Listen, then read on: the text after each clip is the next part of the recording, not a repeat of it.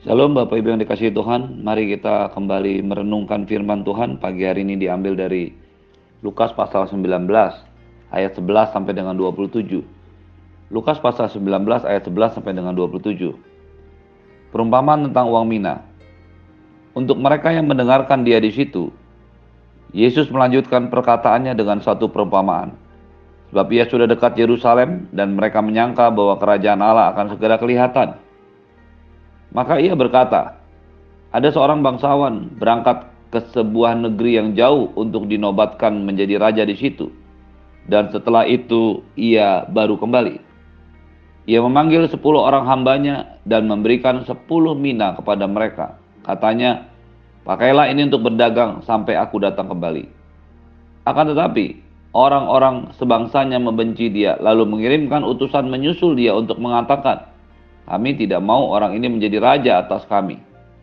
Dan terjadilah ketika ia kembali setelah ia dinobatkan menjadi raja, ia menyuruh memanggil hamba-hambanya yang telah diberinya uang itu untuk mengetahui berapa hasil dagang mereka masing-masing. Orang yang pertama datang dan berkata, Tuan, mina tuan yang satu itu telah menghasilkan sepuluh mina. Katanya kepada orang itu, baik sekali perbuatanmu. Hai hamba yang baik, engkau telah setia dalam perkara kecil, karena itu terimalah kekuasaan atas sepuluh kota. Datanglah yang kedua dan berkata, Tuan, mina Tuan telah menghasilkan lima mina. Katanya kepada orang itu, dan engkau kuasailah lima kota. Dan hamba yang ketiga datang dan berkata, Tuan, inilah mina Tuan. Aku telah menyimpannya dalam sapu tangan. Sebab aku takut akan Tuhan, karena Tuhan adalah manusia yang keras Tuhan mengambil apa yang tidak pernah Tuhan taruh dan Tuhan menuai apa yang tidak Tuhan tabur. Katanya kepada orang itu, Hai hamba yang jahat, aku menghakimi engkau menurut perkataanmu sendiri. Engkau sudah tahu bahwa aku adalah orang yang keras, yang mengambil apa yang tidak pernah aku taruh dan menuai apa yang tidak aku tabur. Jika demikian, mengapa uangku itu tidak kau berikan kepada orang yang menjalankan uang? Maka sekembaliku aku dapat mengambilnya serta dengan bunganya. Lalu katanya kepada orang-orang yang berdiri di situ, Ambillah mina yang satu itu daripadanya, dan berikanlah kepada orang yang mempunyai sepuluh mina itu. Kata mereka kepadanya, Tuhan, ia sudah mempunyai sepuluh mina. Jawabnya, Aku berkata kepadamu, setiap orang yang mempunyai kepadanya akan diberi, tapi siapa yang tidak mempunyai, daripadanya akan diambil juga apa yang ada padanya. Akan tetapi semua seteruku ini yang tidak suka aku menjadi rajanya, bawalah mereka kemari dan bunuhlah mereka di depan mataku. Bapak Ibu yang dikasih Tuhan, dalam perjalanannya menuju Yerusalem untuk disalibkan, Tuhan Yesus melewati kota Jericho. Di sana ia bertemu dengan Sakyus, kepala pemungut cukai, dan meminta Sakyus untuk dia bisa singgah dan menumpang di rumah Sakyus. Di dalam rumah Sakyus terjadi pertobatan ketika Sakyus menyadari kesalahannya. Lalu kemudian berjanji untuk memberikan setengah dari miliknya kepada orang miskin. Dan kalau ada yang diperas dia akan kembalikan empat kali lipat. Setelah selesai dengan pertobatan Sakyus di rumah Sakyus.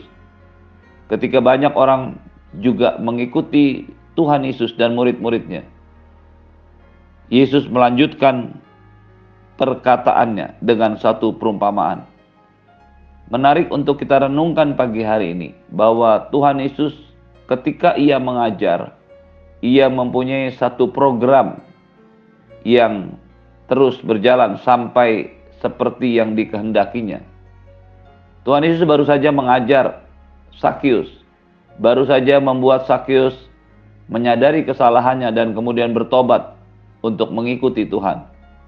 Tetapi Yesus masih punya satu pengajaran lagi yang dia mau sampaikannya di depan banyak orang di rumah Sakyus tersebut. Itu sebabnya mengapa dia melanjutkan perkataannya. Hal ini penting buat setiap Anda dan saya orang-orang yang mengikut Tuhan sadari orang-orang yang mengaku dirinya murid-murid Tuhan dan melayani Tuhan. Bahwa dalam kehidupan kita, Tuhan mempunyai banyak pengajaran yang harus Anda dan saya ikuti. Kita tidak boleh berhenti pada satu titik kondisi rohani. Kita tidak boleh berhenti hanya karena setelah kita tahu firman Tuhan, lalu kemudian menyadari dan tidak mau melanjutkannya lagi. Atau kita mungkin berhenti pada satu pengajaran yang mungkin kita sukai dan tidak pernah mau mendengarkan Tuhan melanjutkan pengajarannya kepada kita. Pagi hari ini firman Tuhan mengajar kita bahwa Tuhan Yesus terus melanjutkan perkataannya seperti yang dia mau untuk diajarkan dan seperti yang dia mau untuk kita orang-orang yang mengikut dia mengerti. Kita tidak boleh berhenti pada satu keadaan atau titik rohani dalam hidup kita. Kita tidak boleh berhenti hanya pada satu doktrin atau dogma yang sudah kita tahu bertahun-tahun lamanya kita harus membuka hati dan diri dan membiarkan Roh Kudus memimpin kita untuk mengetahui apalagi yang Tuhan mau ajarkan dalam hidup kita. Jangan pernah berhenti seperti yang kau inginkan. Berhentilah ketika Tuhan sudah selesai dengan hidup kita. Itu sebabnya Yesus melanjutkan perkataannya. Dia tahu bahwa mereka semua akan mengikutinya sampai ke Yerusalem dan mereka menyangka kerajaan Allah akan segera kelihatan. Apa yang dimiliki, apa yang dipegang, apa yang dipercayai oleh orang Yahudi tentang kerajaan Allah adalah apa yang mereka bayangkan tentang kerajaan Israel ketika mengalami masa kejayaan saat dipimpin oleh Raja Daud, Saul, maaf, Salomo, Saul. Ketika Israel mengalami kejayaannya, dipimpin oleh raja-raja yang besar yang diakui keberadaannya oleh orang-orang yang ada di sekitarnya, suku-suku yang ada di sekitarnya. Bayangan tentang Mesias adalah bayangan tentang seorang yang diutus Tuhan atau Tuhan sendiri yang akan mengembalikan Israel menjadi jaya. Itu sebabnya mereka menyangka ketika Tuhan Yesus mengajak mereka ke Yerusalem, mereka berpikir bahwa mereka akan melihat kerajaan Allah. Kata kelihatan itu berasal dari bahasa Yunani, anapaino. Anapaino itu berbicara tentang kemunculan, tentang sesuatu yang terbit, tentang sesuatu yang menjadi jelas dan clear, tentang sesuatu yang diperlihatkan. Jadi sekali lagi, ketika murid-murid, ketika orang banyak mendengar perkataan Yesus tentang kerajaan Allah, yang mereka pikirkan dan inginkan adalah kerajaan Allah secara fisik, mereka tidak pernah membayangkan kerajaan Allah seperti yang Tuhan Yesus mau. Pikiran ini berlaku buat orang-orang Yahudi pada masa itu dan juga pada masa sekarang. Dan tentu saja tidak terkecuali murid-muridnya. Itu sebabnya mengapa setelah Yesus bangkit, Alkitab dalam kisah para rasul mencatat berulang kali Yesus mengajar mereka tentang kerajaan Allah. Apa yang diajarkan oleh Tuhan Yesus tentang kerajaan Allah kepada murid-muridnya adalah sesuatu yang merupakan penegasan apa yang diajarkan sebelum-sebelumnya. Kerajaan Allah bukanlah kerajaan Israel yang dibangun kembali. Tetapi kerajaan Allah adalah tempat di mana Allah memerintah dan menyatakan otoritas dan kuasanya.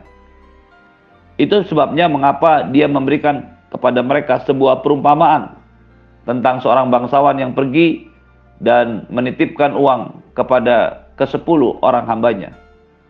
Ilustrasi ini perumpamaan ini bukanlah perumpamaan yang sama dengan perumpamaan talenta. Perumpamaan tentang talenta diajarkan oleh Tuhan Yesus kepada murid-muridnya ketika mereka sudah ada di Yerusalem. Sementara perumpamaan tentang uang mina ini diajarkan Tuhan Yesus ketika ia berada di rumah Sakius di kota Jericho. Jadi Anda dan saya tidak boleh tercampur baur, tercampur aduk pengajaran tentang uang mina dan pengajaran tentang uang talenta. Di dalam ayat-ayat yang kita baca, bangsawan ini yang mau pergi, dia mengumpulkan ke sepuluh orang hambanya. Ayat yang ke-13 mengatakan ia memanggil sepuluh orang hambanya dan memberikan sepuluh mina kepada mereka. Sepuluh orang diberikan sepuluh mina, satu orang mendapatkan satu mina. Ini berbeda dengan perumpamaan tentang lima talenta, di mana orang diberikan sepuluh lima, dan satu talenta. Pada perumpamaan ini, semuanya diberikan uang mina yang sama, yaitu satu mina. Ketika ia kembali ia mau melihat untuk mengetahui berapa hasil dagang mereka masing-masing. Mengapa Tuhan Yesus memberikan perumpamaan tentang perdagangan, tentang bisnis, tentang dagang ini kepada orang-orang Yahudi? Karena ia tahu persis filosofi hidup orang-orang Yahudi yang diajarkan dari zaman dahulu sampai dengan saat ini. Seorang sejarawan Yahudi pernah menuliskan bahwa di dalam kehidupan orang Yahudi ada satu kata-kata bijak yang ditujukan kepada orang tua, yaitu kalau orang tua tidak mengajarkan anak-anaknya berdagang, maka orang tua akan melihat anak-anaknya menjadi seorang penjahat. Prinsip ini yang dipegang oleh orang Yahudi hingga masa kini, sehingga kita tidak heran ketika orang-orang Yahudi hari ini begitu panta, begitu pandai, begitu terbiasa dengan perdagangan dan bisnis. Dan Tuhan Yesus masuk di situ dia menyebutkan bangsawan itu kembali untuk melihat hasil dagang hambanya masing-masing. Ini penting untuk diketahui oleh setiap orang yang percaya pada saat ini, murid-murid Tuhan. Orang yang pertama datang, hamba yang pertama datang dan berkata, Tuhan, uang mina Tuhan yang satu telah menghasilkan sepuluh mina. Melihat hal itu bangsawan itu berkata, Baik sekali perbuatanmu hai hamba yang baik, engkau telah setia dalam perkara kecil, karena itu terimalah kekuasaan sepuluh kota. Orang ini dipuji sebagai hamba yang baik dan setia, dan diberikan reward kekuasaan atas sepuluh kota. Datanglah yang kedua dan berkata, Tuhan, uang mina Tuhan telah menghasilkan lima mina. Hamba yang kedua pun ini diberikan reward oleh Tuhan, walaupun tidak jelas disebutkan pujian, tetapi dia berkata, engkau menguasai lima kota. Hamba yang ketiga datang dan berkata, Tuhan, inilah mina yang Tuhan titipkan, berikan kepada aku. Aku telah menyimpannya dalam sapu tangan. Sebab aku takut Tuhan, karena Tuhan adalah manusia yang keras, mengambil apa yang tidak pernah Tuhan taruh dan menuai apa yang tidak Tuhan tabur. Terhadap hamba yang ketiga, bangsawan ini menjadi marah dan berkata, Hai hamba yang jahat, Aku akan menghakimi engkau menurut perkataanmu sendiri. Tidak ada pujian, tidak ada reward, tapi justru teguran. Bahkan bangsawan ini mengatakan kepada hamba yang ketiga ini, engkau adalah hamba yang jahat. Mengapa dia disebut hamba yang jahat? Yang pertama, yang pertama, karena dia menuduh tuannya adalah orang yang keras, orang yang mengambil apa yang tidak pernah ditaruh, dan menuai apa yang tidak pernah ditabur. Kita tidak tahu persis keberadaan bangsawan atau tuan ini sebenarnya. Tetapi ketika dia mengatakan hamba ini adalah hamba yang jahat, maka tentu saja dia tidak mau atau dia tidak merasa dia adalah orang yang seperti disangkakan, yang dipikirkan oleh hamba ini. Yang menjadi masalah, Tuhan ini berkata, Mengapa kamu tidak memberikan uangku itu kepada orang yang menjalankan uang? Dengan demikian kita bisa tahu apa yang menjadi motif hamba yang ketiga untuk tidak melakukan apa-apa. Mungkin dia tidak bisa berdagang, mungkin dia tidak bisa bekerja, tapi kalau dia memang memiliki attitude sikap hati yang baik, dia pasti akan memberikannya kepada orang yang bisa berdagang, orang yang menghasilkan 10 atau 5. Tapi itu juga yang tidak dikerjakannya. Hal ini menunjukkan kemalasannya sekaligus kejahatannya karena dia telah menuduh tuannya seperti yang dia pikirkan. Apa yang terjadi dengan dia? Tuhan ini menyuruh hamba-hambanya, orang-orang yang lain untuk mengambil apa yang ada pada satu orang ini. Hamba yang ketiga dan memberikannya kepada yang sepuluh. Ketika orang banyak bertanya, orang ini kenapa diberikan lagi padahal ia sudah memiliki sepuluh mina? Tuhan itu berkata, setiap orang yang mempunyai kepadanya akan diberi, siapa yang tidak mempunyai daripadanya akan diambil juga yang ada padanya. Apa yang Alkitab firman Tuhan ini ajarkan kepada kita? Setiap Anda dan saya diberikan satu keahlian, satu kepercayaan, satu tugas yang sama kepada semua hamba-hamba yang sama. Yang menjadi masalah, bagaimana respon kita terhadap pekerjaan, terhadap tugas yang Tuhan berikan kepada kita. Apakah kita melakukan seperti hamba yang pertama, mengusahakan yang terbaik sehingga menghasilkan hasil yang berbuah-buah? Atau hamba yang kedua, sehingga menghasilkan lima mina dan mendapatkan reward lima kota?